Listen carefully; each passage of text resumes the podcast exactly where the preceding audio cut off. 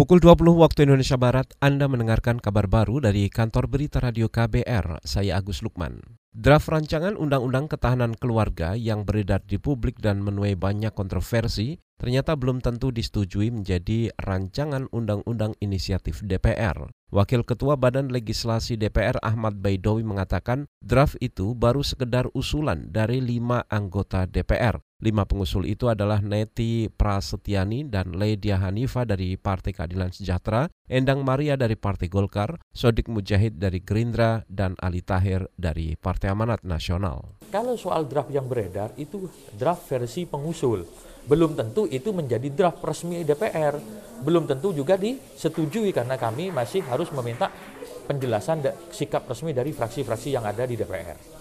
Itu tadi Wakil Ketua Badan Legislasi DPR Ahmad Baidowi. Saudara, draft rancangan Undang-Undang Ketahanan Keluarga menuai kontroversi dan polemik di masyarakat. Sejumlah materi dalam rancangan undang-undang itu dianggap kontroversial, misalnya kewajiban istri mengurus rumah tangga, larangan donor sperma atau ovum, serta sewa rahim. RUU ini juga melabeli LGBT, sadisme, dan masokisme sebagai penyimpangan seksual dan harus direhabilitasi.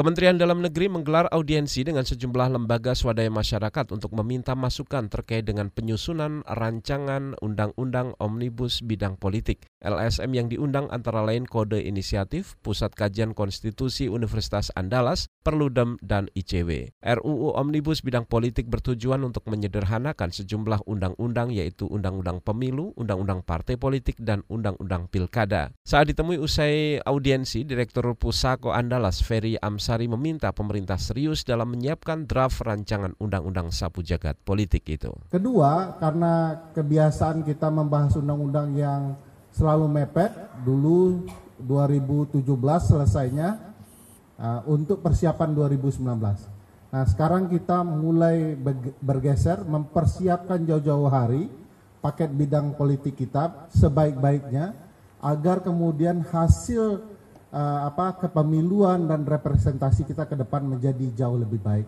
Itu dari Direktur Pusat Kajian Konstitusi Pusako Universitas Andalas Ferry Amsari. Pada kesempatan yang sama, pejabat Direktorat Jenderal Politik dan Pemerintahan Umum di Kementerian Dalam Negeri Bahtiar menjamin pemerintah akan terbuka menerima segala masukan. Ia mengatakan audiensi serupa akan digelar dengan melibatkan banyak pihak untuk menjaring aspirasi sebanyak mungkin.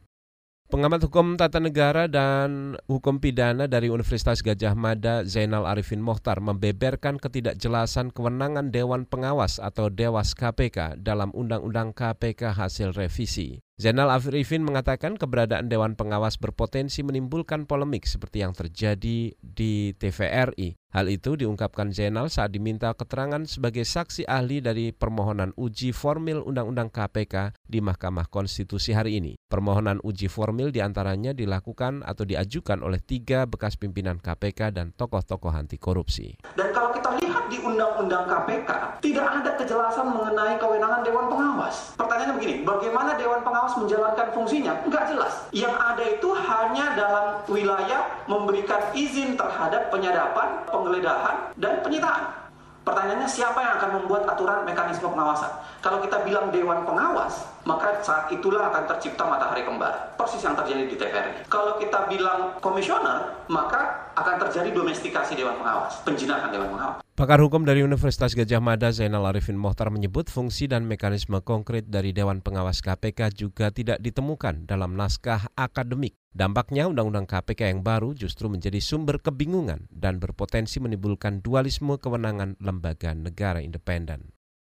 Komisi Pemberantasan Korupsi KPK melelang tiga mobil mewah milik koruptor. Dari hasil lelang yang dilakukan Kantor Pelayanan Kekayaan Negara dan Lelang Tangerang ini, negara mendapatkan uang 1,2 miliar rupiah. Tiga mobil mewah yang dilelang adalah milik dua terpidana kasus korupsi, yaitu bekas pejabat Kementerian Keuangan Yaya Purnomo dan bekas pejabat Kementerian Pekerjaan Umum Anggiat Nahot Simaremare. Yaya telah difonis enam setengah tahun penjara dalam perkara suap dan gratifikasi pengurusan dana lokasi khusus di sembilan kabupaten. Sedangkan Anggiar difonis enam tahun penjara dalam kasus suap proyek sistem penyediaan air minum. Demikian saudara kabar baru dari kantor berita radio KBR, saya Agus Lukman.